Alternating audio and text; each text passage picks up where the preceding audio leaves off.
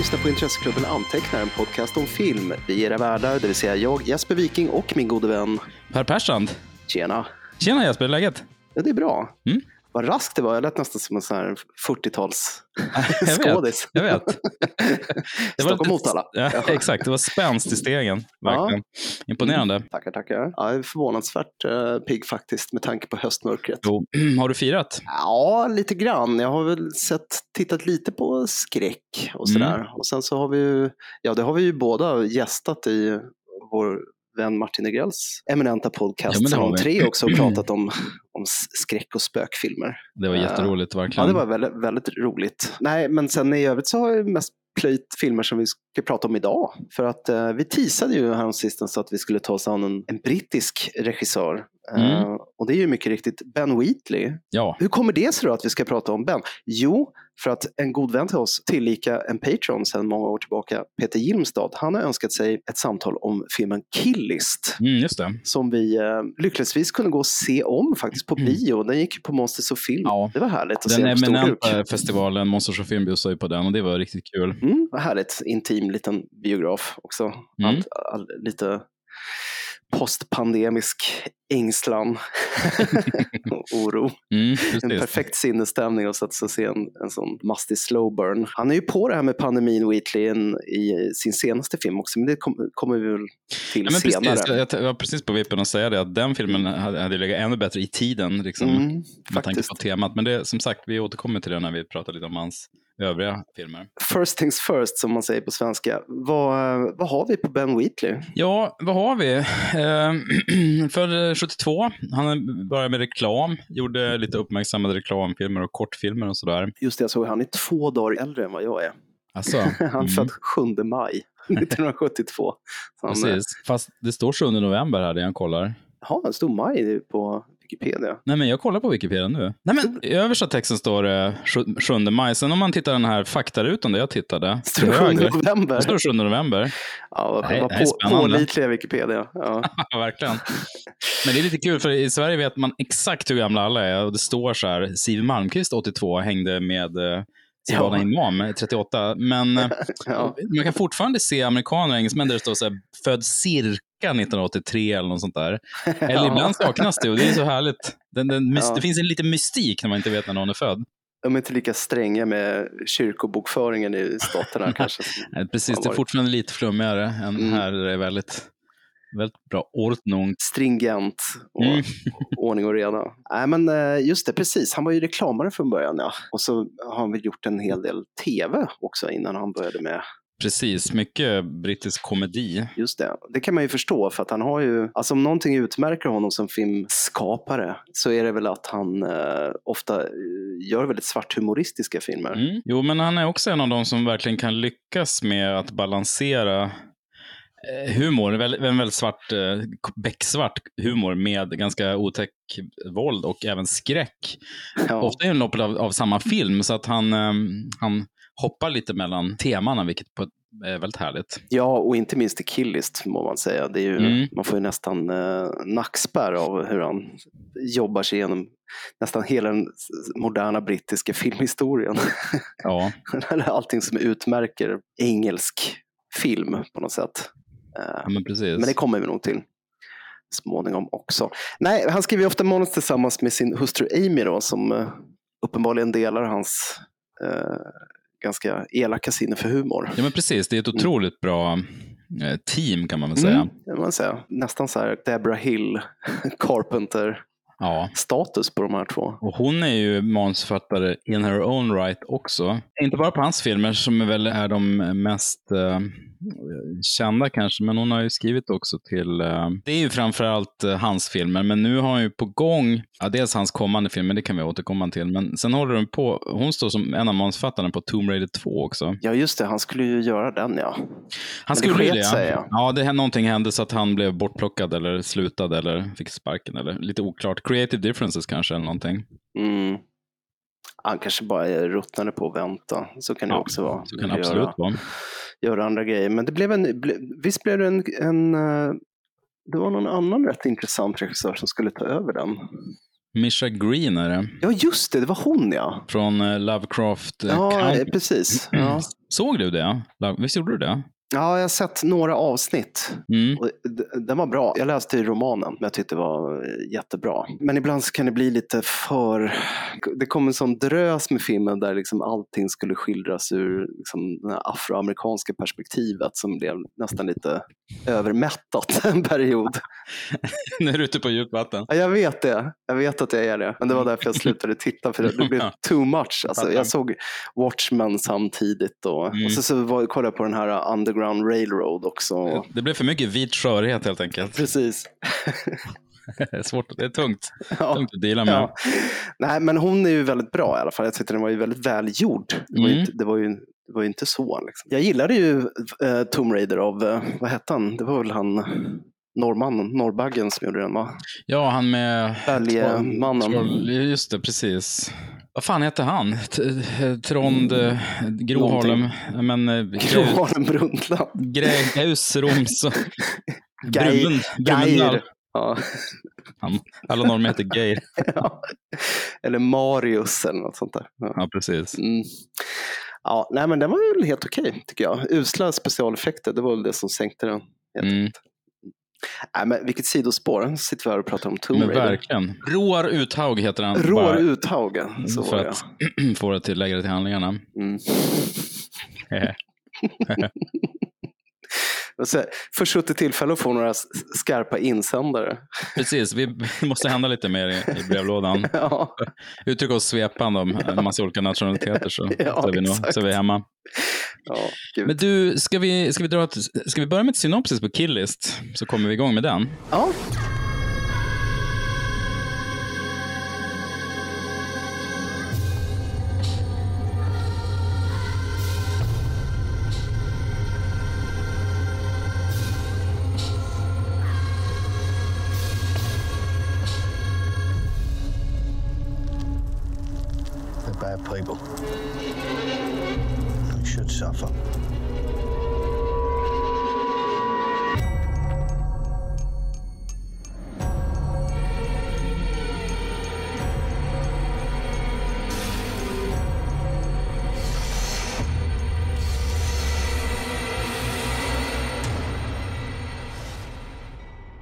Killist handlar om den före detta soldaten Jay som nu jobbar som yrkesmördare.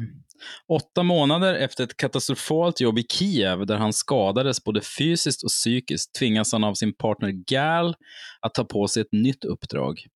De bizarra och fruktansvärda händelser som sen följer väcker rädsla och paranoia hos Jay och hans värld rasar samman. Mm. Ja, ganska bra beskrivet ändå. ja, det tycker jag. Även om eh, filmen är inte riktigt så on the nose som det här antyder, utan Nej, han är väldigt, väldigt duktig på, på att berätta eh, i små, små fragment, eh, Ben Wheatley. den öppnar ju som ett, ett vanligt typiskt engelskt diskbänksdrama. Mm. med tja- tjafs om hushållskassan Mm. och molande äktenskaplig kris i någon förort. Liksom. Precis. Men samtidigt så är det så, um, vilket symptomatiskt tryck tycker jag för alla hans filmer, så otroligt välskriven dialog. Mm. Man sjunker in i någon sorts, så här, man blir väldigt engagerad i rollfigurerna, även om de Mm. är, det är så bra flow. Alltså, det, det, det känns som att de har improviserat väldigt mycket. Inte, Jo, men de, de här fyra huvudskådisarna, eller i alla fall de tre huvudskådisarna, är ju krediterade som additional dialogue by, vill jag minnas. Mm. Så att eh, de har nog, föreställer jag mig, liksom improviserat en del och kanske repeterat en del också. För den, det, som du säger, den har så otroligt naturligt flow. Mm. Sen har han ju, han är ju jävligt eh, bra på att klippa sina filmer också.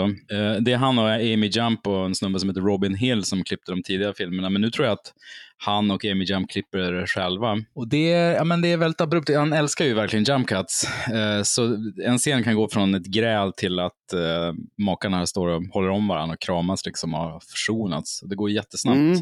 Men det är väldigt effektivt och han beskriver, alltså Man får fylla i de här små Mm. mellanrummen själv. Liksom. Precis, allting en, förklaras inte hela tiden. en Och, tillit till, till publikens Ja. intellektuella kapacitet på något sätt också.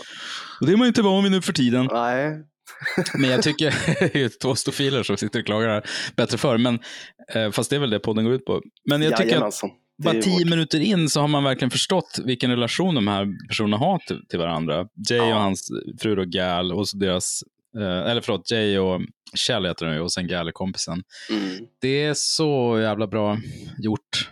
Ja, Och sen ska vi nämna skådisarna också. Neil Maskell spelar huvudrollen och så är det Michael Smiley. Som många kanske känner igen från Shaun of the Dead och lite ja visst. Edgar Wright-filmer. Och en, en kul grej med att ha sett många eh, Ben Wheatley ganska kort följd, som vi båda har gjort, är ju att väldigt många skådespelare återkommer ju. Han har ju Ja, sitt, sin han har sitt stall. Mm, Ja, han har sitt jo. stall, det är jävligt roligt. Ja, det är fint. Jag tycker han eh, Neil Maskell som spelar huvudrollen är ju så... För det första ser han så vansinnigt engelsk ut. Mm, otroligt. Lite som, eh, vad heter han, eh, pojken i, eh, i This is England? Thomas Ja, eller vad han Turgos, ja. heter. Mm, Ja. mm. Ja, det, det är den typen av utseende, där, liksom ganska låga så pannan och lite veka hakan, så brett ansikten. Så, så extremt så här, pub, pubsnubbe ut på, på ett väldigt fint sätt. Ja, men precis, och samtidigt sitt, ser han jävligt bra ut i liksom en Fred Perry-piké också. Ja, jo, han är På här som liksom- gjord, en posterboy för eh, Ben Sherman och Ja, men Fred faktiskt. Perry-grejer. Mm. det här sättet som man kan eh, sitta och romantisera, att eh, de här eh, lads, killarna, är så jävla välklädda. I Sverige skulle de, skulle de ha haft någon, nej, jag vet inte, jag tänkte säga någon så här piké från Dressman eller någonting, det var, det var väl att ta i, men något tråkigare. men här har de en, en jättesnygg så här Ben Sherman munkis som man sitter Ja. och bara dreglar, det är så fint. Mm. Och, och sen My-Anna Buring också som Mm. hustrun där. Eh, svenska förmåga. Men det är kul för att jag kommer ihåg att jag såg henne i den här The Descent, Mm, eh, precis. Skräckisen för några år sedan. Och hon är ju, även om, jag tror vi snackade om det efter vi har sett filmen, i mina öron pratar hon ju i stort sett perfekt liksom, brittiska engelska, men Mm. de ger ju henne ändå en bakgrund att hon är från Sverige, så att hon får ju prata svenska med sin mamma i en scen också, vilket är jätteroligt, på telefon. Ja, och väldigt naturlig svensk dialog Mm. också. Inte alls som vi skojar om det efter, vi såg den på, på Monsters Finland. Att Det, det var så långt bort från så Mission Impossible man kunde komma. De pratade så otroligt Google Translate-mässig svenska, även fast det var svenska skådisar. Ja, jättekonstigt. Mm. Vad är det han säger? Nu ska vi se vad han går för. För, eller? ja. Måste se vad grabben går för. Just det. Usch, pinsamt. Men, Ja, eh, ja, jättekonstigt. men eh, hon är ju kalas också. Mm, Jätte, jättebra. Ja, men eh, det är lite skoj att han har sitt lilla entourage med skådisar. På det sättet är han lite som, som Kevin Smith som också alltid så använder Mm. samma, samma typer. Men det är ju främst Michael Smiley som dyker upp nästan oftast i hans Mm. filmer. Det verkar vara hans musa lite grann. Jo, men det är inte så att det är hela ett, ett samma gäng kommer tillbaka i alla filmer. Man plockar lite då och då så att dyker Mm. upp lite. Mm, nu och då. Men det man kan säga är väl att det här börjar som en slags gangsterfilm och själva idén så här att eh, kriminella människor som, de är inte gangsters som är liksom ex-soldater, men man fattar att speciellt Jay har haft svårt att anpassa sig till det här Svenssonlivet i radhuset. Mm. Och så ska de göra en, ett sista jobb liksom för att få pengar. Och man fattar att det kommer gå dåligt, men det är ett ganska traditionellt upplägg. Men sen tar ju filmen, viker av någonstans halvvägs in i det här uppdraget och blir något helt annat. Ja, Och du, du gillar ju att spoila filmen, men jag tycker vi ska försöka att inte göra det. alltså då. Det tycker du? Jag tycker det. Okej då. Nej, nej, men alltså jag håller med. Den, den, den öppnar ju som någon sorts så här, kanske inte Ken Loach, men så här, Mm. kanske lite Mike Lee-rulle. Och sen Mm. så bara glider den in i någon sorts så här ultravåldsam, cool Mike Hodges, så här Get Carter-film. Mm. Mm. Och Ganska hårdkokt så här, Ja, gangsterdrama visst. helt plötsligt. Och rått och blodigt som fan. Och sen eh, tar det en, en vändning åt ett helt annat håll då i Mm. sista akten. Som man, ja, det är kanske det man inte ska prata så brett om. Eller jag tycker man kan göra det. Men ja, Ja, den, den byter genre och blir en skräckfilm helt enkelt. och riktigt så här urengelsk hednaskräck också. Mm. Det är härligt. Något som man återkommer till lite då och då i sina filmer. Men, eh, Ja, men precis. För element av det finns ju också i Side Series som vi ska prata om strax. Men framförallt då Field in England mm, eh, som ju går all in på det och eh, In the Earth också, hans senaste film. Så Ja. att han har ju ett stort intresse för det här, det ockulta i skogen. Finns, Ja. vad, vad är, det finns ett ord för det va? på engelska? det okulta i skogen. Nej, men är, är ordet skogsskräckis, eller vad, vad säger man om Wickerman och den här typen av filmer? ja, det är folk horror. Det är Folk det horror, just det. Ja, precis. Ett fint brittiskt påfund. Ja, man men verkligen. Mm. Och det anmärkningsvärda är väl egentligen inte att Killist är en, en genrehybrid, utan det är väl, för det har ju gjorts eh, tidigare i andra filmer, men det är väl Mm. just att den, att den gör allting så jävla väl. Mm. Det är ju det. Alltså, ha- hade det bara varit att de satt och tjafsade om räkningar vid köksbordet i två timmar så hade det varit helt okej med mig. Just för att den, det är så himla bra gjort Mm. och, och engagerande. Och samma sak med den här gangster Mm. eh, handlingen också och det här eh, folkskräckiga. Så att det, det, det, den utmärker sig ju verkligen på det sättet. Som, Mm. Eh, Otroligt genomarbetad, måste jag säga. Ja, men det är väl lite därför som vi snackade om tidigare. Det känns som att de här... eh, Det är ju en, det är en, det är en liten film med få roller, ganska låg budget tror jag. Men eh, Mm. det, känns som att de har jobbat, jobbat mycket med de här ro- rollfigurerna. Så det, det, det finns en otrolig naturlighet. Det känns som att det är sant alltihopa. De lever sina roller. Man kan ju förstå den här Jay också, som, för att man fattar ju inte som sagt direkt att de är, att han och hans kompis Gal är ja, men kontraktmördare. Eh, Mm. det, det, det, liksom, det uppdagas ju men Ja, men det refereras till att det hände någonting i Kiev som var lite Ja. traumatiskt. Men man får inte veta riktigt exakt vad som hände heller. Nej, men det är också som, så typiskt, och det här har ju många varit och nosat på, det är ju samma sak med, ja, med alla sådana här uh, folk som återvänder hem från kriget. Mm.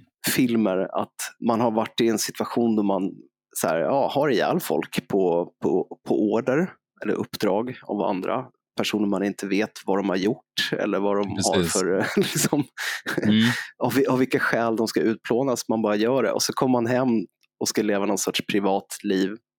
Mm. Eh, och, eh, alltså steget till att bli kontraktmördare är inte särskilt långt. Han gör ju egentligen ingenting annorlunda än vad han gjorde i kriget. Så att, Nej, det är sant. Och han är ju eh, förmodligen ganska deprimerad tror jag. Det är därför han har varit arbetslös så himla länge också. Mm. Och inte drar in någon cash för att han, har, eh, han är väl eh, utbränd i själen helt enkelt. Jo, men det är fint för att han är ju, samtidigt är han ju inte endimensionell, för han är ju han är jättebra med sin son. Han är jättefin pappa. Och, och det säger ju Mena Buring när hon snackar telefon, så här, han är en skitbra farsa, men och så, så här, han kan inte få Just det. jobb, så här, ungefär. För han, han, ja, vad skulle du säga? Ja, nej, men och sen typ att det, det går inte att prata med honom. Vilket Ja, också löper som en så röd tråd genom alla Ben Wheatleys filmer nästan är att de manliga rollfigurerna är ju som små barn. Alltså, Mm. de, de har ju eh, en fyraårings emotionella mognad nästan hela bunten. ja. Och jag vet inte om man säger någonting om män i största allmänhet eller om, eller om engelska män, men man känner ju igen, alltså jag, jag, jag ska inte säga, jag är ju oerhört oerhört mogen och välartikulerad med min hustru, givetvis. Men, eh, men man känner ju igen det här, Mm. ja men lite envisa, sammanbitna sättet att bete sig liksom, i, Mm. som slår an en nerv faktiskt. Men gå och vara tyst länge och sen få något spel, så här, vara sur och tjurig. Ja, helt irrationell. Ja, precis. Man märker också hur han, hur han lever upp Jay när han får komma iväg på sitt uppdrag. I alla fall i början när det fortfarande är citat mysigt eller lite roligt för dem. Mm. Innan det blir, går ner en slags malström av ondska och ångest så, så tycker de ju att det är lite härligt.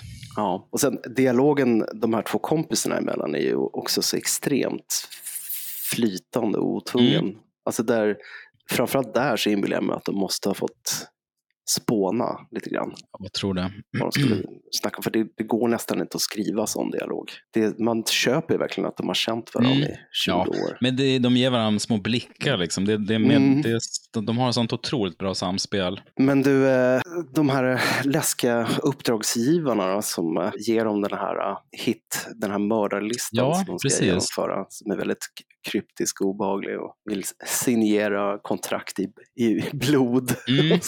Det är första varningstecknet så här, hej, hej, ses Ja. på ett hotell och så plötsligt tar han upp en kniv. Bara skär ganska djupt jack i handen på, på Jay då. Så Ja. ska de köra handskakning och blodskrivning. Det är då man börjar ana att det är någonting som är konstigt. Och, och det är också så att eh, Gal har ju med sig en dejt när de käkar middag i Mm, första början av filmen.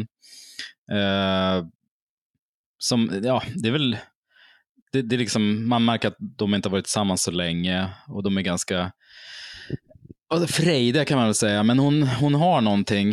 eh, hon har någon slags agenda den här tjejen som man Mm. bara får ana lite grann. Mm. Ja, hon gör lite kryptiska saker. Hon Mm. Ristar någon, någon runa på baksidan av deras badrumsspegel och, och Precis. s- stoppar på sig lite så blodigt eh, hushållspapper från när han har skurit sig när han rakar sig eller någonting. Det, det har man väl, det, alla har väl gjort det när man var på fest någon gång. Och Ja, ja. och- Stopp, snott lite blodigt toapapper. Ja, Ja. gjort så här djävulstecken ja. badrumsskåpet så bakom en spegel. Det, det är ju sånt som händer, men hon har liksom en, en plan. Lite en snopp och en svastika på spegeln med läppstift. Mm. Ja. ja, det är sånt man gör givetvis. Och det, det är roligt för att eh, då, filmen, vi ska inte gå, jag tycker inte vi ska gå jättelångt in i filmen, för att Nej, till skillnad från många andra filmer vi snackar om så är det här kanske en film som jag föreställer mig att en del lyssnare faktiskt inte har sett. Eh, och Mm, då vill vi att det som helst. Men den, den, den har liksom en kapitelindelning som är The Librarian, eller the, jag kommer inte ihåg vad första är, men det känns som att nu ska Ja. det... Ja, de är väl uppkallade efter personerna de ska ha ihjäl va? Så det är Ja, väl typ the, precis. the Priest och sen The det. Librarian och sen är det väl The MP va? Ja, jag the tror det Member så, of. Parliament. Mm.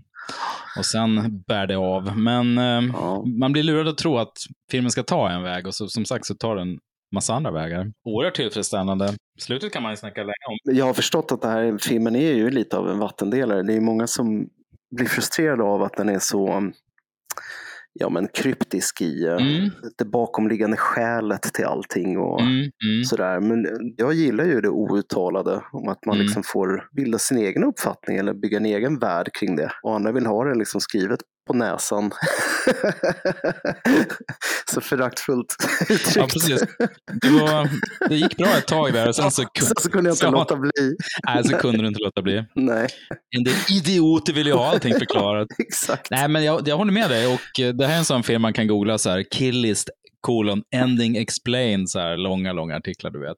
Ja. Vilket ju finns på internet för, för alla filmer som har någon slags komplexitet. Ja. Till, har vi snackat om Old förresten av Shyamalan? För det var också så här, The Nej, det ending explained. gjort. Det var ju en sån Ja. film där han slog knut på sig själv för att förklara hur allting hängde ihop. Ja, det fanns som- väl ingenting att förklara med Nej, den finns, filmen. allt står ju där. Det var ju snarare så jättemycket vad gött exposition. det hade varit om man hade klippt lite tidigare och bara, oj vad Ja. spännande det var att få tänka själv och räkna ut saker själv. Men Ja.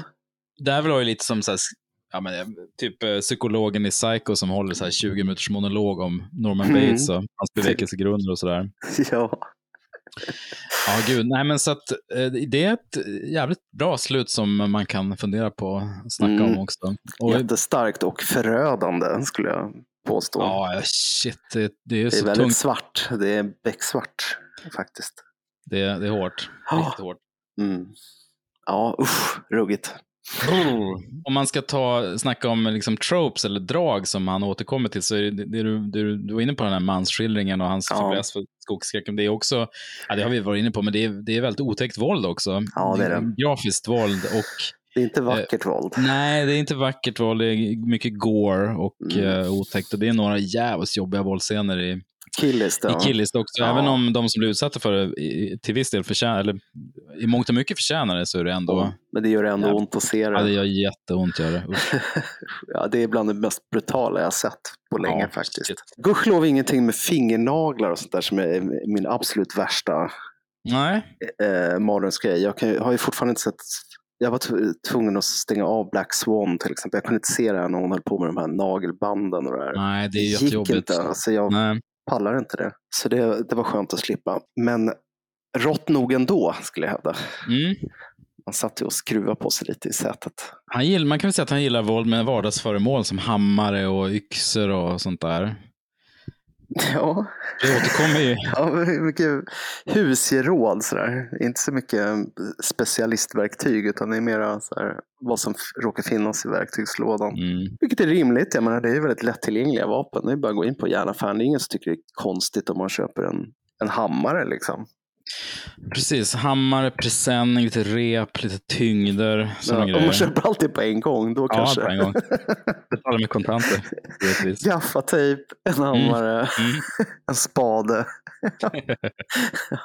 men ja, nej, men det finns ju väldigt så här exist- existentiell eh, fasa som liksom ligger och kryper i, i eh, både den här filmen och en del andra han har gjort faktiskt. Han har ju Mm. en, en fäbless just för det här ja, men krypångesten. Mm. långsamt eskalerande liksom, obehaget. På det sättet är det ganska Lovecraftianskt faktiskt, apropå Lovecraft Country. Det är lite Doom-känslan. Eh, Allting är på väg käpprätt åt helvete på något sätt. PGA-krafter bortom vår kontroll. Jo, men det, den har man ju både i två ganska vitt skilda filmer, både in England och High Rise har ju Ja. det. Ja, absolut. Men du, hur ska vi lägga upp det här? Nu ska vi snacka om lite om hans andra filmer, va?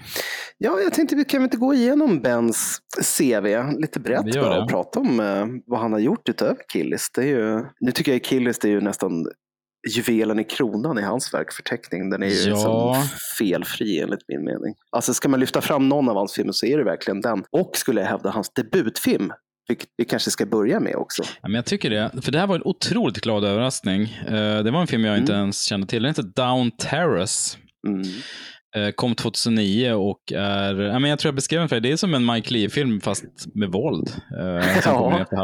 Ja, det, är, faktiskt, det är en bra hisspitch, det är det. Ja, men den, är, den känns också så otroligt äkta och det är eh, brittisk arbetarklass som sitter och dricker te och snackar skit med varandra och mycket så här lite såriga familjerelationer folk som är Mm. jävligt kärva mot varandra. Men man, men man kan väl kort säga att den skildrar liksom en, en familj av eh, kriminella som bor i Brighton. Down Terrace syftar då på att det, är stadsdelen där de bor. Mm. Ehm, både, det är väl både farsan och sonen har uh, suttit i fängelse va? Ja, precis. och släpps ut. till- Karriärbus. Liksom. Ja, ja, men precis. Eh, håller på jättelänge. Mm. Det är deras livsstil helt enkelt.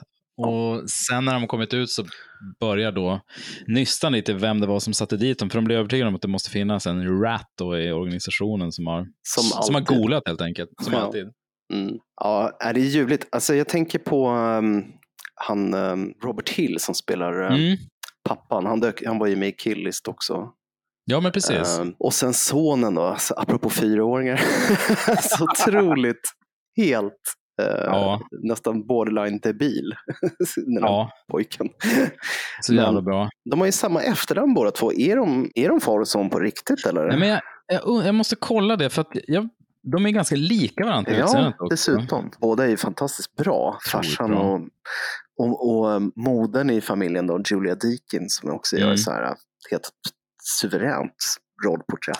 Ja, alltså jag minns ju henne från Spaced. Såg du den? Ja, ja, Där hon är den otroligt ciggrökande grannen som är så spånig och så rödvinsfull hela tiden. Ja, Hon är så inåt helvete bra alltid ja, när hon all- dyker upp ja, i filmen. är helt suverän. Jag kan flika in att Robin och Robert Hill är då son, son Ja, och de, är, far. de är son och far Mm. på riktigt. Ja, ja vad De är kul. på riktigt. Och, och just den här uh, Killist, eller förlåt, uh, Down Terrace har ju Robin Hill klippt också. Han, han klippte ju åt Ben Wheatley i början där. Mm, just det. klippte Down Terrace och Killist och Sightseer. Sen tror jag eh, Wheatley och Amy Jump började klippa, klippa Själva. själva. Mm. Precis. Men han har också skrivit manus i Down. Så att jag tycker man märker att Robin Hill inte är en fullfjädrad skådis, men eh, han, är, han är jävligt bra. Han påminner lite om Magnus Härenstam på något Ja, sätt. faktiskt. Sättet. Han har den nasala, och det är som du säger, han är, så, han är som mammas pojke. Liksom. Han Ja, är så otroligt bortskämd. Och sen, men sen, ju längre filmen går visar att han har ju liksom problem med hetsigt temperament och han får Ja. utbrott och sådär. Han, han kanske har ADHD eller något sånt där. Någonting sånt, ja. Han har ju någonting alltså. Ja, det är så talande scener när han inte hittar några så gamla brev han har sparat och han bara får ett så totalt vredesutbrott. Står och vrålar. Så Mamma, var är mina brev? Och sen så bara, ja här är de. Kolugn direkt. Mm.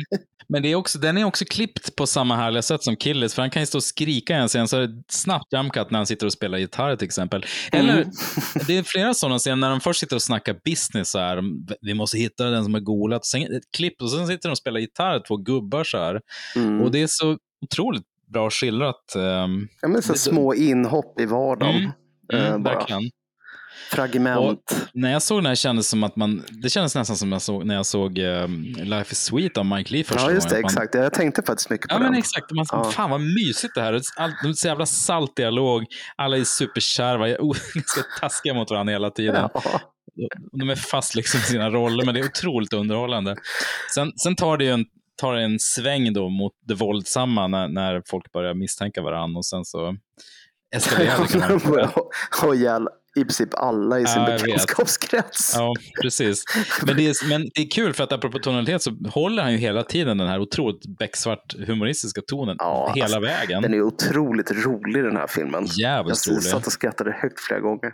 Ja, den är Och just den fantastisk. här när, ehm, ja, men när ehm, Michael Smiley återigen då dyker upp Ja. som någon sorts kompis till familjen. Som, han, han tigger ju lite jobb och han erbjuder sina Mm. tjänster också som någon sorts ja, men, eh, enforcer, eller vad heter det? Ja, torped eller Torped indrivare kanske. Ja, precis.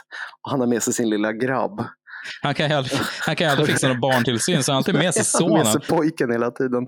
Och så när, när ehm, ja, men sonen i familjen och Karl så här, eh, latchar lite med grabben och han börjar förmana honom så här. ja, men du, kan, det är okej, så här, du kan latcha med honom men du får, du får inte ta med honom in på ditt rum. säger Mm. Så otroligt misstänkliggörande Ja. direkt. Så här, helt öppet insinuerar att han ska vara pedo. Ja, det är jätteroligt. Det är otroligt hårt, nästan ja, men syrafrätande dialog bitvis. Mm. Och så den här uh, farbrorn som verkar vara någon sorts total psykopat. Han så där, bara gillar att ha ihjäl Mm. folk Mm. i största allmänhet. Han går runt och småler hela tiden och Ja. är helt obrydd. Bara Ja. vill mörda folk som säger. ett av de råaste pensionärsmord jag sett på länge. Ja, jätter, alltså, man kan inte låta, det är som scenen med Marvin i baksätet i Pulp Fiction, så man kan inte låta bli att skratta för det är så otroligt rått och oväntat. Man bara, "Ah, vad, vad hände? Vad hände? Ja. Vad, vad, såg jag just? Så att, nej. Mm. nej, men Down Terrace, det är ju det är fan en gåva. Den är så jävla bra. Ja, det, är, det är helt klart en varm rekommendation. Ja, nu blir det obetalt samarbete med Draken-film, men den finns ju bara på Draken att Mm, strömma. det är sant. Det finns bara där, ja. Men det är ju en Den finns- bra tjänst. Ja, det är Den jättebra. är väl De- värd att hysta in. Verkligen. Den, det är en svinbra tjänst. De har ju fyra eller fem uh, Wheatley också, så det det är ett bra, bra ställe att, om man vill köra Börja en på, maraton. Ja, Mm. precis.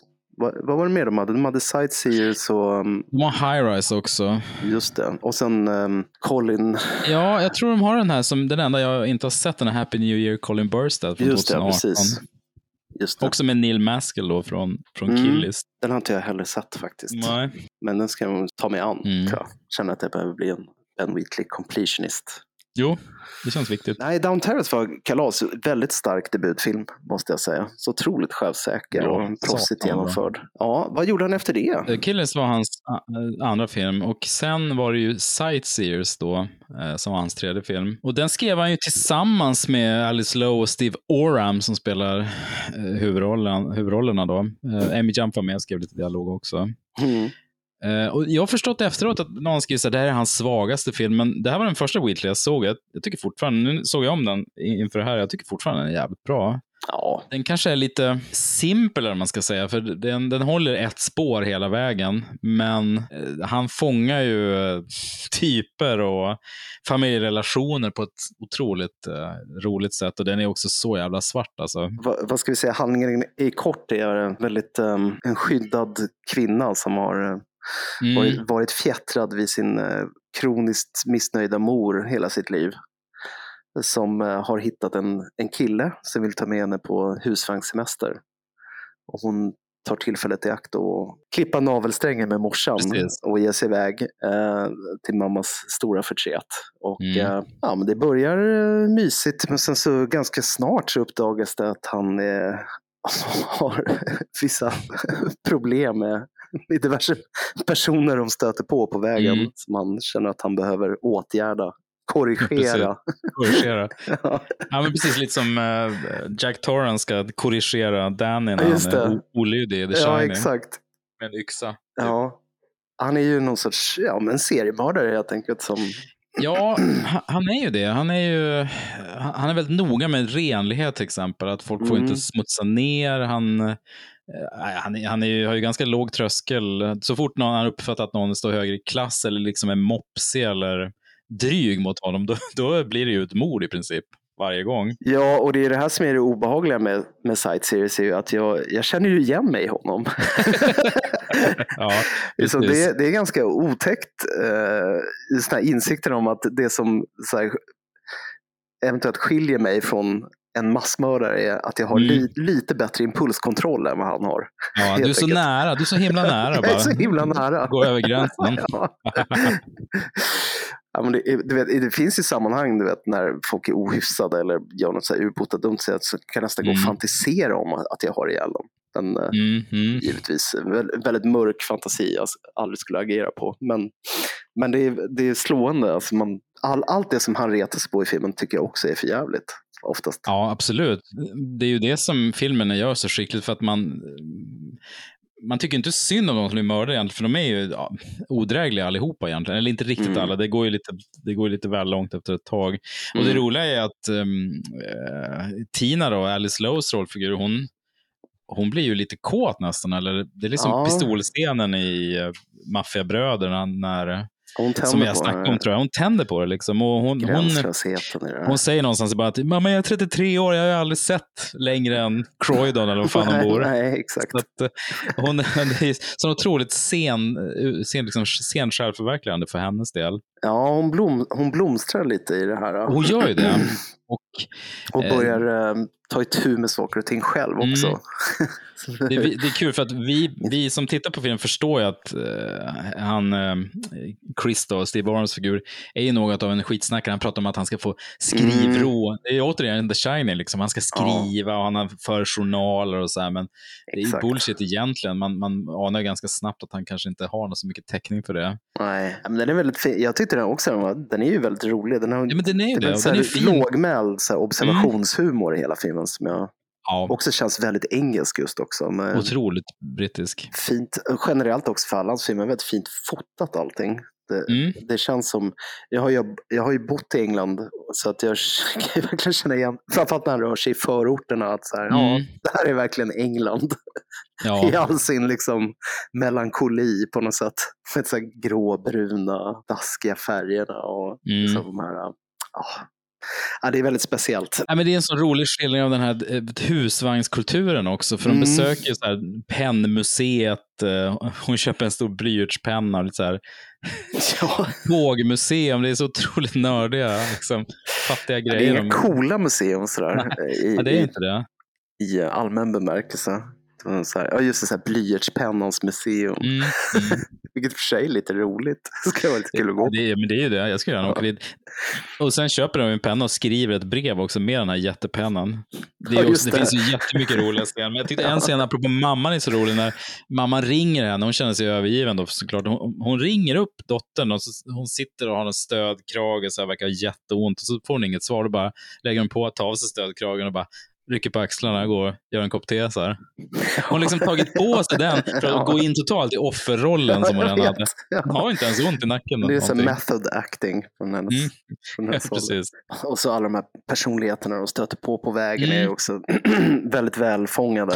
Ja, men det, det är som en road movie där det kommer nya typer som de möter hela tiden. Men det här är väl kanske hans mest sedda film ska jag tro, för en bredare publik. Sightseers. Det var ju lite av en smyghit sådär. Mm, Den gick ju väldigt bra på festivaler och Den är väldigt lättillgänglig kan man väl säga, även om den Mm. är eh, extremt våldsam bitvis. Och ja.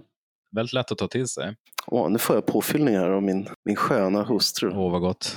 Lyxigt. Tackar, tackar. Spanskt vitt. Mums. Ah, Sådär ja. Nej, så det är också en rekommendation skulle Mm. jag hävda. Och vidare efter det, då, då gjorde han en liten film som heter A Field in England. Kom 2013. Mm. Beskrivs ofta som en skräckfilm. Jag vet inte riktigt om jag håller med om det. Skulle du kalla det en skräckfilm? Nej, alltså det är ju en tripp, alltså någon slags psykologisk eh, Mm, thriller. Psyke, psykedelisk Psykedelisk snarare. ja, ångestresa kanske mer någonting annat. Ja, Ja. jo men verkligen. Och det där går inte att googla så ending explain, för man behöver i så fall få hela filmen förklarad för sig. Och jag tror Ja. inte man ska fundera jättemycket på exakt vad, vad den handlar om eller vad som händer. Mm, nej, men här accelererar han ju verkligen i, eh, ja eller framförallt eh, Amy Jump accelererar Mm. i, eh, i dialog i A Field in England. Den är så otroligt Ja. rik i språket. Det, det är en ren njutning att bara höra replikerna. Det är nästan som man Mm. liksom stänger av bilden. Nu är den förvisso otroligt snyggt plåtad också, i svartvitt dessutom. Ja. Ja, men vi ska ju nämna, du var inne på fotografen, det är ju den här Laurie Rose som har fotat i stort sett alla hans filmer. Just det. Jag tänkte så här, åh vad roligt med en kvinnlig fotograf, men det är en snubbe faktiskt visar det sig. Ja. Fast han heter Laurie. Det är Ja. som Vivian i, Vivian i Ja. eh, The Young Ones. ja. Förvirrande. Ja, man säger ofta med engelska namn. Den är speciell, Field in England. Det är verkligen ett kammarspel skulle man kunna säga. Som råkar utspela sig på ett fält. Ja, och det känns ju som att hela filmen är inspelad på samma 50 kvadratmeter, eller 100 kanske, på det här fältet. För det är ju lite i väntan på Godot-historia om ett, Ja, ett gäng människor som aldrig, lyckas ju aldrig ta sig därifrån egentligen. Det är kanske ingen spoiler att säga det, utan det är snarare olika maktförhållanden inom den här gruppen och olika märkliga det är eh, mycket saker. gruppdynamik. Ja. Ja, men verkligen. Man får följa, det är väl ett par, ja det, den utspelar sig under brittiska inbördeskriget då, på 1600-talet då helt enkelt. Ja, Em, precis. där en, eh, ja men ett par soldater deserterar, de flyr från slagfältet. Mm. och kommer i slag med ett par andra existenser. Och, vad är det, de letar efter någon, eh, någon skatt av något slag, va? Är det inte så? Ja, har- alltså i början ska vi... jag har ändå sett den här filmen rätt nyligen. Jag, den ja, är, jag såg den för två veckor sedan. Storyn hade är ganska sekundär på något sätt. Det är mer en helhetsupplevelse. De snackar om att de ska ta sig till en pub liksom, eh, Ja, ett tag. det. Sen dyker ju eh, Michael Smiley upp som en slags demonisk eh, vad heter det, officer. Så då, kan jag, då börjar han beordra dem att göra olika saker. Då ska de gräva efter en skatt som ska finnas någonstans. Där, för han får ju någon slags gudomlig ingivelse eller satanisk ingivelse. Ja. Det ska finnas någonting där. Den, är ju, den har ju någonting, det är något med de här äh, väldigt så här, pastorala landskapen och sen den här väldigt så här, obehagliga musiken också som Mm. Ja. ligger på hela tiden som en sorts drönmatta. Som är, jag, jag gillar den ju, men det, det är ju helt klart den mest så här, vad ska man säga, arthouse-mässiga av hans filmer. Det är den ju. Det, det känns verkligen som ett formexperiment. Ja, man får inte sitta och kräva logik eller så här, utan man får bara ta det som en slags syratripp. Och som du var inne på, det, det är som den här typen av eh, psykedeliska drömmar har man ju sett rätt mycket med ass, väldigt snabba Mm. klipp och så här. Men just att det är svartvitt gör att det känns nytt på något sätt. Det är inte de här Mm. vanliga eh, psykedeliska liksom, eh, kaleidoskopbilderna i, i färg som man har sett många gånger, utan det blir speciellt. Det, det händer någon slags någon slags solförmörkelse eller någon slags planet som kommer också som lite Ja. oförklarat, förklarat, men som är ganska läskigt. Så det är väldigt effektiva bilder i den. Men det är återigen den här dru, druidkopplingen med den här äh, Ja, precis. magiska punkten i fältet. Och, äh, Mm. som han eh, gärna återkommer till. De är ju, det, är ju en ganska, han har ju en rik mylla att gräva i där i England. Det finns ju mycket sånt i Precis. kulturen också. Men det är lustigt att de gjorde det för svartvitt. Det kom inte typ The Artist ungefär samtidigt? Var det inte lite så här att man gjorde lite svartvit film ungefär Kanske under låg, den i- perioden? det kanske låg i tiden då. Sen dog det ganska fort. Det är inte många som Jo. har ägnat sig åt det sen dess. Det är typ Mank. Och, Mm. det händer då då. En kort trend. ja. Så kul när jag läste om feelingen. Bara, Åh, vad kul, Julian Barrett är med från, från eh, Mighty Boosh. Fan vad mäktigt. ja, just det.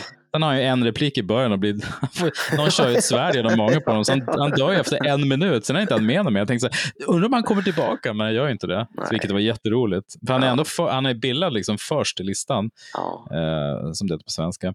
Men däremot så, så dyker ju Reese Shearsmith upp första gången. just det. Eh, Och han gör ju, kommer ju tillbaka flera eh, Wheatley-filmer och han är ju fantastiskt bra. Mm. ja, han är kalas. Och även Michael Smiley som väl kanske inte har, aldrig har varit mer demonisk i ordets alla bemärkelser i den här filmen. Men Det är inte samma hu- humoristiska gestalt han brukar spela i de här Nej. filmerna. Han är väldigt kärv och Mm. som du säger, ett obehaglig typ faktiskt. Väldigt obehaglig. Ja, Sen är det ju kul för att då och då låter ju Wheatley eh, handlingen stanna av och så eh, tar han tablåbilder på de här när de står helt och poserar. Skådespelaren står helt stilla och tittar in i kameran.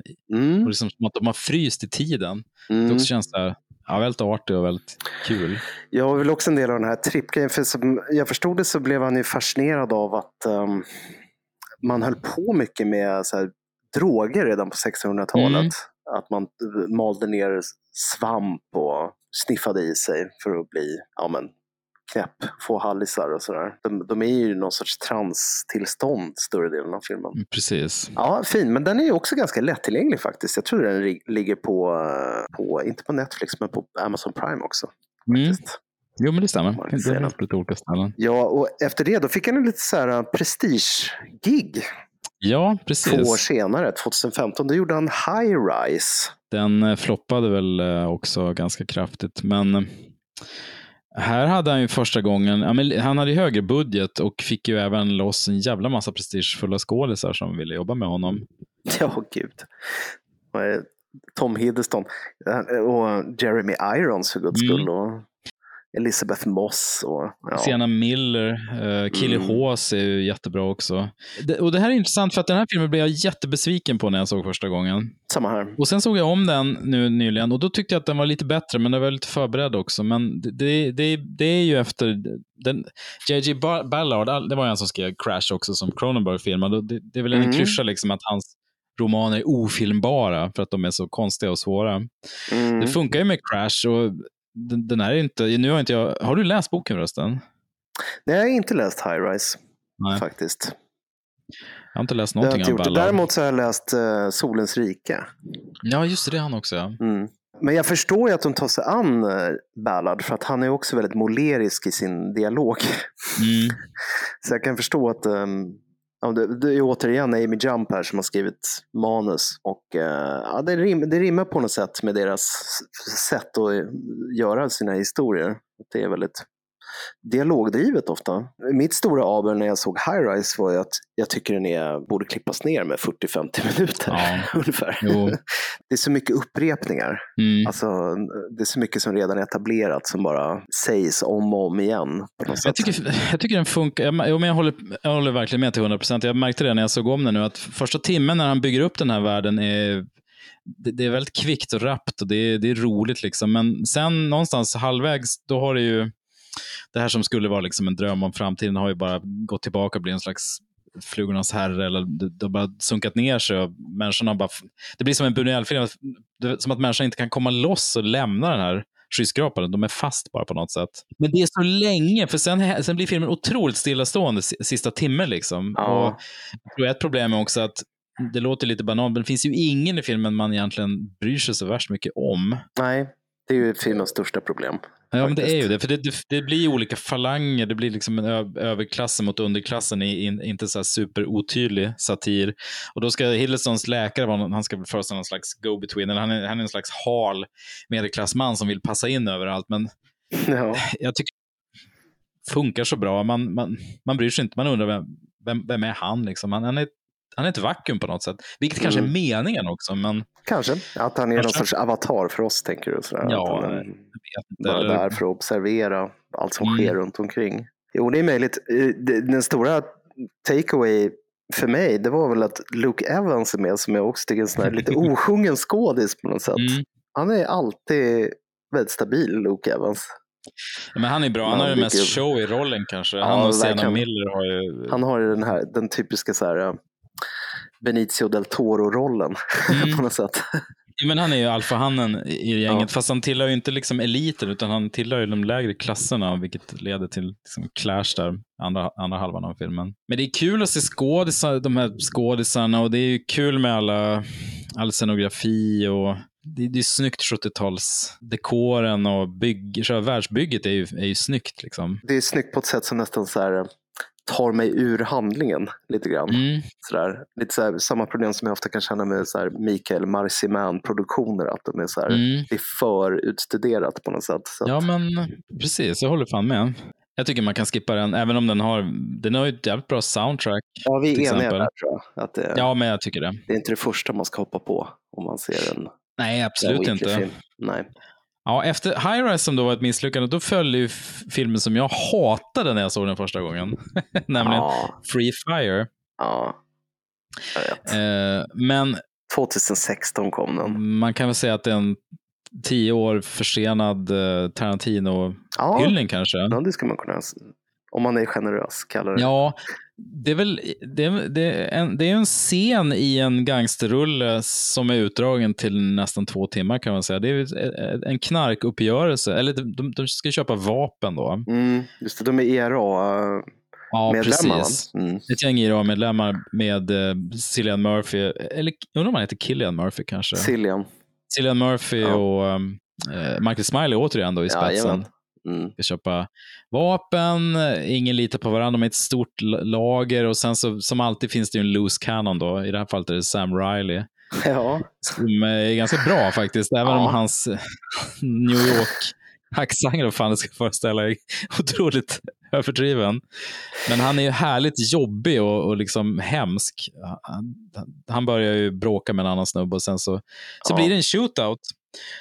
Även känd som eh, Ian Curtis, för de som inte känner igen namnet. Ja, men Ja. precis, i, i Control, där Mm. var han ju skitbra. Han har gjort för lite film tycker jag, Anton Corbin. Han Ja, jag inte- tycker det. Ja, han är Control bra. var ju svinbra. Sen eh, den här med Clooney var väl sådär, men de är ju jävligt snygga om inte annat. Jag tyckte jättemycket om den här uh, A Most Wanted Man, den här Le Carré. Ja, med, just det. Filmen jag Mm, gjorde med, med- Philip Seymour Hoffman. Mm, den var okej, den var snygg. Ja, men det är alltid härligt när de rör sig typ i Hamburg och det är lite regnigt och så. Jo. Jo. fint.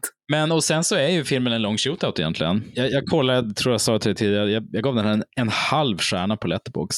För jag var så kränkt, men det var ju jävligt snålt. Nu när jag såg om den så tror jag att jag höjde det till ett och ett halvt i alla fall.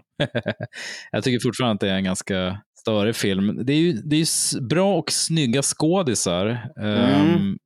i, i minsta roller och den har sina poänger liksom. Men jag fattar ju att det här är någon slags genreövning som man kanske inte ska ta på för stort allvar, men jag tyckte bara det kändes som en ganska platt, liksom, Mm. eh, för, förment tuff eh, Tarantino Jo, men, ja, lite grann. verkligen. Alltså det, det, den lider ju av att den, är lite, den känns väldigt passé på något Mm. sätt. Här, av, av en tid som inte, som inte finns längre. Liksom. Nej men precis, men samtidigt ska den utspelas 1978 så alla har polisonger och jättesnygga 70-talskläder för att liksom sätta det i någon slags annat sammanhang. Men, men klart, det, Mm. det är så håller ju Tarantino på också lite grann. Det är ju lustigt apropå 90-tal att Patrick Bergin är ju med. Det var ju min stora upptäckt i den filmen. Han dyker upp där. Är det han Ja, som är en av de här eh, snubbarna som kommer in Ja. och börjar skjuta på ja dem? exakt. What the hell, det missade jag. Ja, Jag okej. fattar inte att det var han. Nej, det var roligt att återse honom. Han, Ja, han, har han försvann ju verkligen från filmvärlden och jag tror bara han gjorde typ eh, ja, men så här East Enders eller något i massa år. Slutade göra långfilmer. Nej, tänk att jag har sett den här filmen två gånger och inte fattat att det var Patrick Bergen. Men nu när jag googlar honom, ja men nu ser jag ju, han, han ser ut som en sån här Dressman-modell, så distinkt Ja. med stort vitt hår. och ser väldigt bra ut fortfarande. det är en stilig karl. Jävligt cool. Ja, Mm. ja okej. Okay. kanske höjer till halv, en halv, en halv stjärna Ja, det kan du göra. För Patricks skull. Patricks skull. Ja, den är ingenting för mig, Free Fire. Men jag tycker liksom, jag skönjer ju ett mönster här lite grann. Att så fort han jobbar med lite mer så här, ja, men lite, lite större budget, lite Mm. mer namnkunniga skådisar, då blir det svajigare. Det blir inte lika Ja. Tight som när han Nej. gör de här lite mindre, vad ska man säga, indie-produktionerna. Undrar vad det om det liksom, ska man ge sig på någon amatör psykologisk analys här, att han blir sporrad av det. Lite som vi snackade om Spielberg också, att han liksom blev jag vet inte, att han tänder på alla cylindrar när han har så mycket begränsningar. Liksom, eller? Ja, ja, men det är kanske det är liksom klichétolkningen om, om Mm, jag ska vara tack. elak mot dig. Förlåt. Ja, men jag, jag tänkte så här, High Rise hade, vad står det, den hade 6 miljoner pund, är 8 miljoner dollar hade den i budget och Ja, Free mycket Fire hade. Mycket för honom. Free Ja. Fire hade 7 miljoner dollar. Det är ju ingenting liksom med tanke på Nej, skådisarna, för de måste ju de jobba måste ställa upp gratis nästan. Ja, men i princip, det är som Woody Allen eh, eller Wes Anderson, att han får skitstora skådisar för, Ja, för liksom normal dagsersättning. Så de vill ju jobba med honom. Ehm, så det handlar inte om att han plötsligt har slängt på honom 100 miljoner för att göra en Marvel-rulle, utan han borde kunna behålla sin röst. Men jag vet inte. Jag tyckte inte han landade så bra med Free Fire. Nej. Och det är precis som du säger, det är, det är en väldigt manerad, manerad film, precis som uh, High Rise egentligen, att det befinner sig i väldigt så här, en så här tydlig setting och det är å- återigen Mm. 70-tal då. Det blir, det blir lite stelt på något sätt, lite artificiellt. Ja, och sen att den lider av den här hipphetskomplexet. Ja, som, eh, precis. vi Det är väl ett stort om, eh, problem. Baby Driver häromsistens också. Men efter det så gjorde han en film som jag tror varken du eller jag har sett. Det är den här Happy New Year Colin Burstead. Mm, precis. Kom två år senare, 2018. Ja, och här är han ju tillbaks i England och det, var, det är ett familjedrama så det här kanske är hans return form. Så det är lite synd att vi inte har sett den. Sam Riley är med i den här också. Ja. Ser jag. Men går den att streama i Sverige? Den, den finns på... Konstigt nog finns uh, Happy New Year Colin Burster på en massa olika ställen. Finns på, mm, bland annat på Cineasterna. Uh, som man kan ha bibliotekskort. Kul. Och på Triart, S. Anytime, iTunes, lite ställen. Så det, Ja, roligt. det är också en film som jag missade helt. Den gick väl aldrig upp på bio i Sverige vad jag, vad jag tror. Så den hade jag dålig koll på. Ja, vad kul. Nej, den var verkligen under radarn för mig. Jag, Mm. jag kände knappt till att den fanns förrän jag började ta mig an. Nej, jag trodde det var en tv-film som inte ens... eh, Ja, det var- Den är väl producerad av BBC jo, också. Så precis. Den, och den visades på brittisk tv ser jag nu. Så att, eh, det är väl ja, det är en tv-film helt sonika. behöver inte vara mindre dålig för det. Snarare Nej. tvärtom. Precis. Så är det med tv nu för tiden. Jajamensan. Det är fint att se att Clint Mansell har skrivit eh, musiken till den. Ja, men det var väl bland det bästa med Hi-Rise. Jag tror det var Mm. första gången som de samarbetade och han är ju grym eh, filmmusikskapare. Mm. Ja, Jävligt bra musik till eh, In the Earth också som vi återkommer till strax.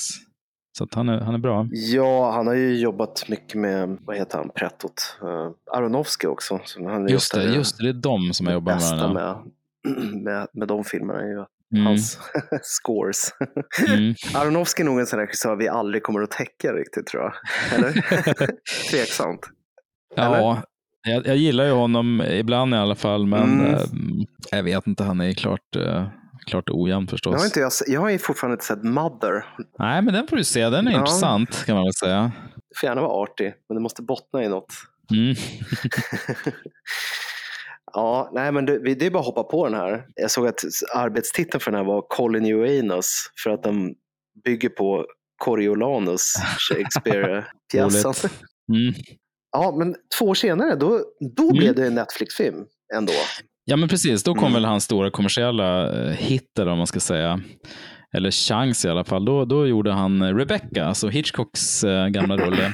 Det är Efter, alltså- eh, Snacka om minerad mark och göra en remake på en Hitchcock-film. mm, Och, och dessutom en väldigt hyllad roman ja. av Daphne du Maurier som är jättebra. Varför egentligen?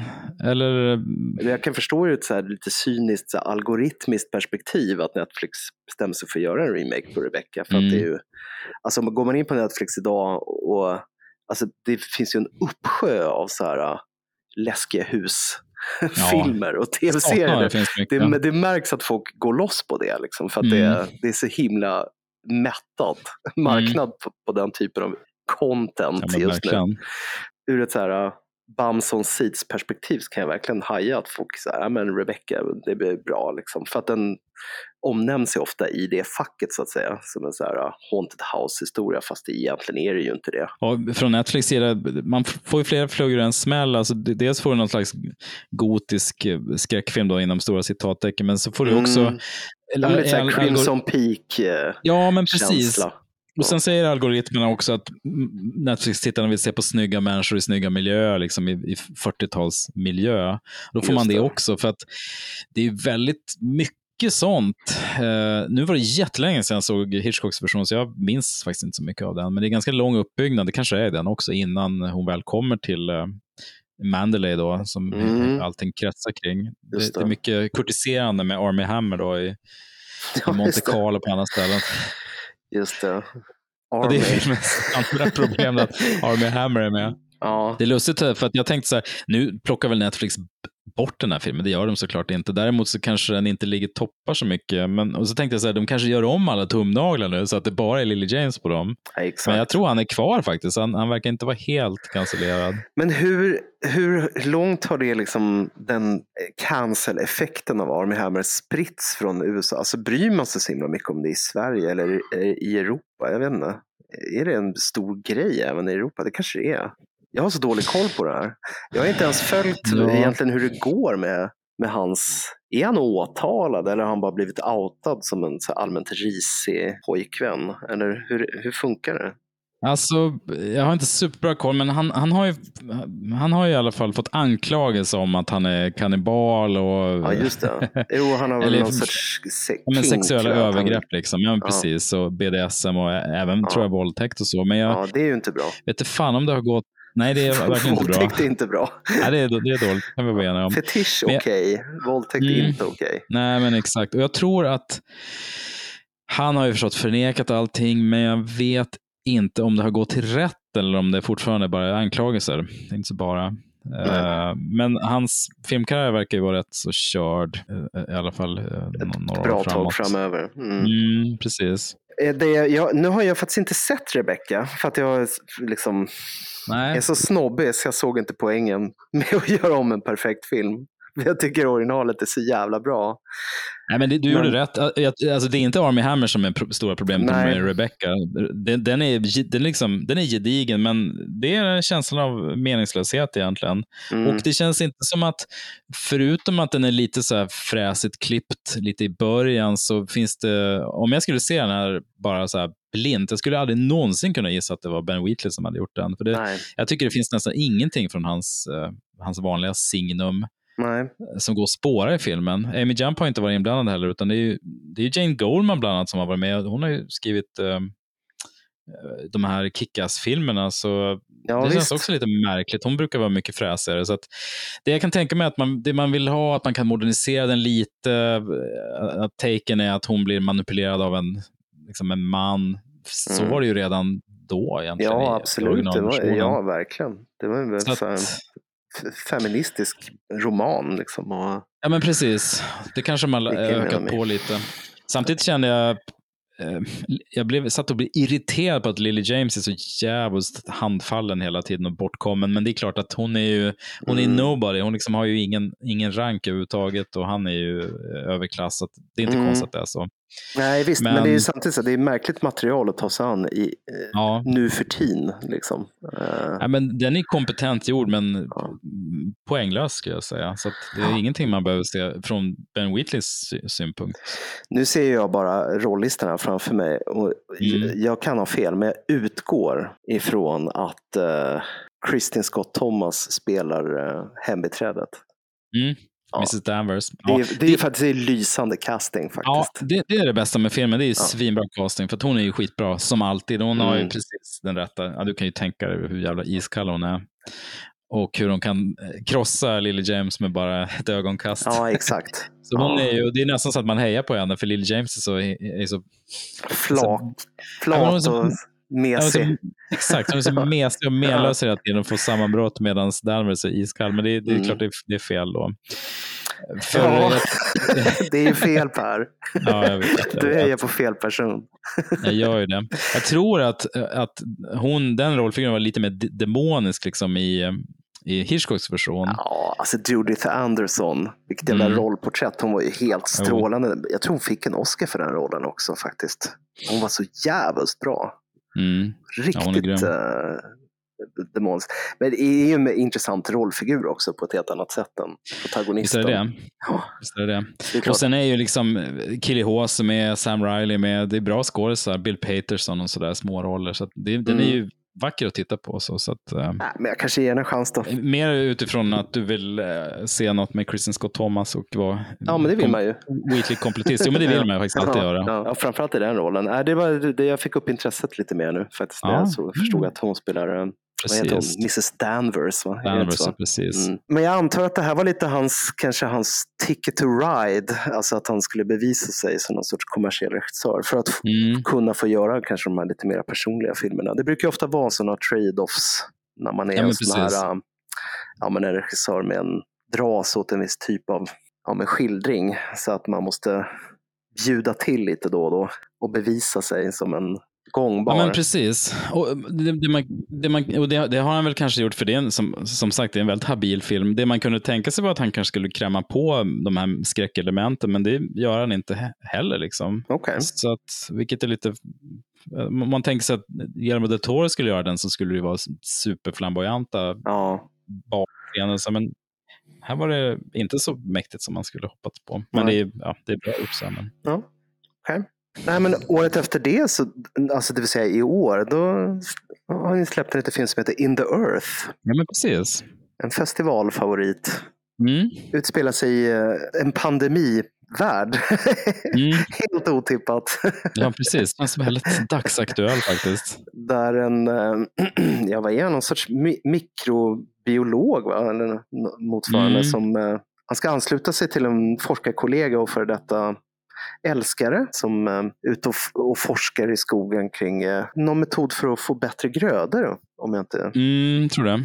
missförstod det hela. Men det här är också en väldigt så här, eh, folkskräck, druid eh, Mm. mässig film som också är, lämnar mycket outtalat. Faktiskt. Den är ju ganska kryptisk på många sätt. Ja, jo, men här går han verkligen tillbaka till sina intressen. För att eh, Mm. den, den, den, här börjar ju också som en virus-thriller om man ska säga. Mm. Och sen blir det, sen blir det skogstokig och väldigt psy- psykotronisk och psykedelisk film och man vet inte riktigt eh, vad, vad som händer. Nej, det pratas lite vagt om någon eh, skogsande som har Mm. funnits sedan eh, medeltiden. Men, och sen eh, u- uppdagas det att hans forskarkollega har ja, men hittat någon sorts vetenskaplig metod för att kommunicera med det här väsendet. Och Mm. de eh, försöker etablera kontakt med. Då. Eh, och så händer det mycket obehagligheter under tiden. Jag vill inte ja, säga för mycket, delvis för att den är ganska suggestiv. Och, Mm. och samtidigt så, ja, den är så pass ny så att här ska man ju verkligen inte berätta för mycket. Nej, men precis. Det tycker jag inte man ska göra. Men den, den har ju det här signumet som alla bra skogsskräckelser har, just att det, man, kan inte, man kommer inte därifrån. Det, det finns slags osynliga hinder som gör att det går inte att lämna skogen. Man är fast där och tid och rum upplöses. Liksom. Man vet inte om man har varit där i ett dygn eller hela sitt liv, eller vad man ska säga. Nej, precis. Gud töntigt det lät. Men Nej, men den det är, är sant. också- ja. den är väldigt, väldigt flummig och eh, lite öppet, ganska mycket för tolkning. Men jag tyckte den var, den var bra. Det är ju ja, men skönt att se honom jobba i England igen med brittiska skådisar. Reece Shearsmith dyker upp igen då i en jävligt bra roll. Han är ganska lik uh, Taika Waititi eh, egentligen, speciellt Mm, när han har, han Faktiskt. var i Phil in England också, när han är lite så långhårig och ser Mm. lite vildvuxen ut. Jag håller med. Nej, det är återigen ett, ett kammarspel kan man ju säga. Mm. Det är liksom inte mer än eh, fyra skådisar egentligen. För mig hade den ju många likheter med Annihilation, den här Alex Garlands Ja, just det. Mm.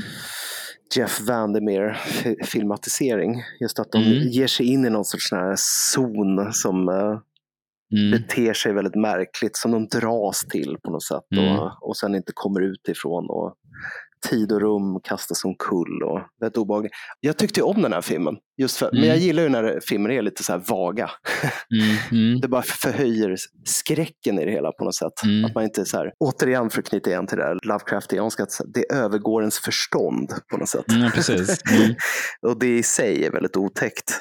Det enda jag har att anmärka på egentligen är att den här, det här virusinslaget, alltså det pandemiska inslaget i filmen som egentligen bara utspelar sig i, i filmens första akt, Mm. tycker jag inte bidrar så mycket till handlingen egentligen. Det känns mer som en pandang till hela filmen. Som att, eh, Ja, Det är lite som att säga, ja, men jag spelar in den här under pandemin och jag orkar inte. det är lika bra att alla bara får på sig munskydd så slipper vi krångla till produktionen. Så vi skriver in någonting om virus och så här, att det är en pandemi på gång. Fick inte du den känslan lite grann? Eftersom alla, alla ändå måste ha munskydd och Ja. ta handsprit hela tiden så kan de göra det framför kameran. Ja. Jo, men jag läser till nu faktiskt att den, den, han, spelar in, han, han spelar in den på två, 15 dagar, vilket är ganska kort. Liksom. Det är väldigt kort tid. Och jag tyckte det var snyggt världsbyggande i början så här, och, och det har varit dödsfall och zoner och pandemin. Och så här. Man tänkte shit, det, det, det är en stor grej över hela världen det här. Men det är som du Ja. säger, sen glömmer man nästan bort det och sen andra halvan, då är vi i skogen bara i princip. Ja. Så jag håller med dig lite. Det är lite synd att han inte följde det spåret. Men det, det, är en ganska enkel film. Kan ju tänka att han inte la extremt mycket tid på det här manuset. Den känns verkligen som så här, eh, ett tidsfördriv i väntan Mm. på att liksom, större produktioner ska komma igång. Ja, men lite så. Men den är ju eh, samtidigt, eh, tycker jag, intressant och eh, också så väldigt obehaglig. på något sätt. Och Mm. rolig återigen. Jag tyckte att Mm. mycket av dialogen var väldigt skojig faktiskt. Ja, men det är kul för att han Joel Fry som spelar huvudrollen, jag har bara sett honom i, i Cruella där han också var ganska rolig. Mm. Eh, Han är ju, apropå de här pojkmännen du snackade om, han är också ganska handfallen. Han är en vanlig snubbe. Liksom. Han, han, han har inte klassiska ledaregenskaper. Han tillbringar större delen av filmen med att bara få, få stryk och slå sig och linka och vara allmänt härjad. Ja, exakt. Vilket är lite roligt. Ja. Sen är det ju några, apropå att han gillar våld, då, den, den gode Wheatley, så det är några rätt otäcka scener såklart. Lite högt gore score. Ja, det är nog filmhistoriens vidrigaste fotskada. Tror Ja, jag. Alltså, den, är, den är inte kul. Mm, nej. Då skruvar jag på mig ganska rejält. Det är så otäckt med Och så de här vassa stenarna. Och, Ja, ja, usch, det bara- ja, nej, fint. Nej, men jag, Mm. jag uppskattar Jag tycker ändå det är lite roligt med Ben Wheatley, att han är en sån... eh, Alltså om man ser honom i, i relation till så andra eh, om man är så här, ska vi säga heta brittiska filmskapare i samma, ja, men åtminstone eh, produktiva, verksamma brittiska filmskapare i samma ålders, alltså som Mm. Edgar Wright till exempel eller Joe Mm. Cornish och de här, är ju mycket mera så här popkulturellt kalibrerade Mm, men det har du helt rätt i. på något sätt. En Ben Wheatley han kör ju verkligen sitt eget, sitt, eget spår. Eh, han, är en, han avviker ju helt klart från många andra regissörer i sin samtid. Mm. Så det tycker jag är kul. Jag, det gör ju också att man alltid blir väldigt nyfiken på vad han gör härnäst. Men jag såg att nu skulle han väl göra The Meg Jag vet. 2. Jag vet. Jag blev ganska knäckt när jag såg det. Det blev inte Tomb Raider 2, men det blev The Meg The 2. Meg 2. Ja. Med Jason Statham. Så det, ja, Easy Money från Kina. Helt enkelt. verkligen. Jobbar med The Staff. Ja. It's a megalodon. Alltså jag har sett den filmen, men jag kommer knappt ihåg någonting av den. Det var ju underhållande vill jag minnas, men jag kan inte så, peka på någon. Den var ju så scen. otroligt blodfri. Alltså det, det, Ja, var lite var som, det var lite som den här eh, remaken av eh, Prom Night. som Mm. är liksom bland det tamaste jag sett Ja, i hela mitt liv. För en förment slasherfilm. En annan grej, han håller enligt IMDB på också med en film som heter Freak Shift, som Mm. han eh, har skrivit tillsammans med Amy Jump. Och, och eh, tagline för den, eller vad heter det, logline för den är A band of misfits hunt down and kill underground nocturnal monsters. Det låter ju rätt, ja, det är en, låter kul. Tydligen så skulle både Army Hammer och Alicia Vikander vara med, men de Mm. har hoppat av. Scratch that. Ja, det kan, det kan vi glömma bort. Ja. Nej. Så man får se om det där blir någonting. Men jag hoppas jag kan, han kan fortsätta göra såklart mer personliga filmer. Samtidigt kanske han känner att han är klar med, med skogsskräckisarna och nu vill, vill göra lite andra grejer. Kanske. Men vi får se. Vi får hoppas att han återkommer lite då och då. För det är det Ja, verkligen. jag älskar. Ställ, ställ Ben Wheatley med en kamera på ett fält någonstans i, i Mm. Storbritannien så blir det garanterat sevärt i alla fall. Mm, precis. Det är min summering av hans, av hans filmgärning än så länge. Ja, men om man är, om man är helt ny på, på Ben Wheatley, vad ska vi säga? Alltså, Killis är ju ett måste, den måste man ju säga. Ja, det måste man se. Och Down Terrace måste man se. Down Terrace också är så jävla bra. Mm. Och sen kan man ju välja och vraka lite, men eh, både Phil and England och Sightseers är ju Sevärda, Väldigt absolut. bra. Ja, verkligen. det tycker jag. Det är fyra väldigt st- stabila filmer man kan ta Mm. till sig. mm, Med Killist som någon sorts juvel i kronan då, skulle jag absolut. Ja, vad fint, vad roligt. Det var kul att snacka om en, en relativt ny regissör. ja. Han har ju bara gjort filmer sedan 2009. Det är ju oerhört eh, nytt Ja, eh, han är- för vara i våran podcast. Han är under 75 år gammal också Mm, dessutom, idag. han är vår det. Ja, det, det är fan ovanligt. Mm. Nej, men vi får säga tack till Peter Hjelmstad för ja att du tack, önskade den här tack filmen. för, för att vi fick se om den här fulländade Mm. rullen. Med det sagt skulle jag gärna uppmuntra eventuella lyssnare som faktiskt har sett Happy New Year, Colin Burstead, att Ja. eh, höra av sig till oss med ett omdöme Gärna. eh, och säga bu eller bä så att eh, Mm, vi blir sporrade eller eh, avskräckta. mm. Min watchlist är så svullen nu så att jag, jag tar tacksamt emot alla rekommendationer. Eller, eller... Man, man vill höra att filmen inte är bra, Ja, så man tack. kan stryka Ja. dem. Gud vad skönt. Snälla skriv in och säg att den är usel så jag kan stryka den. Det var så skönt. Ja. Ha det gött så länge då. Detsamma, ha det toppen. Vi Ja. hörs. Hej. Hej.